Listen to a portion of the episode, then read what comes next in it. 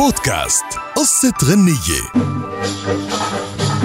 قصة غنية لليوم عن وحدة من أشهر الأغنيات التونسية وهي بعنوان لامون اللي غاروا مني. الأغنية الأصلية أكيد للفنان التونسي الهادي الجواني وهي من تلحينه ومن كلمات الشاعر الليبي الراحل بشير فهمي فحامة قصة الأغنية لشاب حارب قبيلته من أجل حبيبته السمراء الحزن بهالأغنية اللي بتقول لامون اللي غاروا مني كان وراه قصة حقيقية.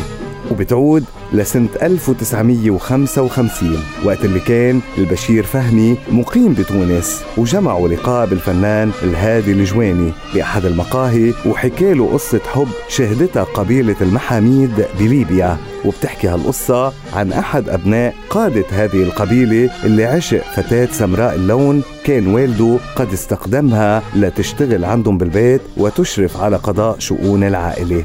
كانت هالسمرة فاتنة بعيونها وبتتميز بصوت رخيم وشعر طويل وجسد ممشوق.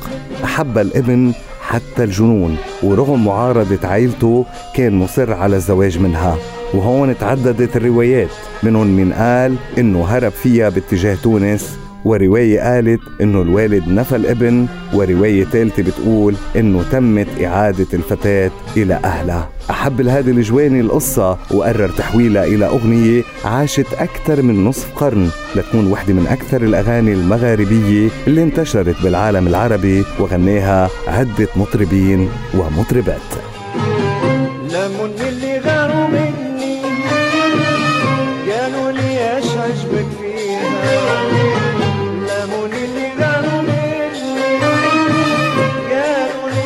عجبك فيها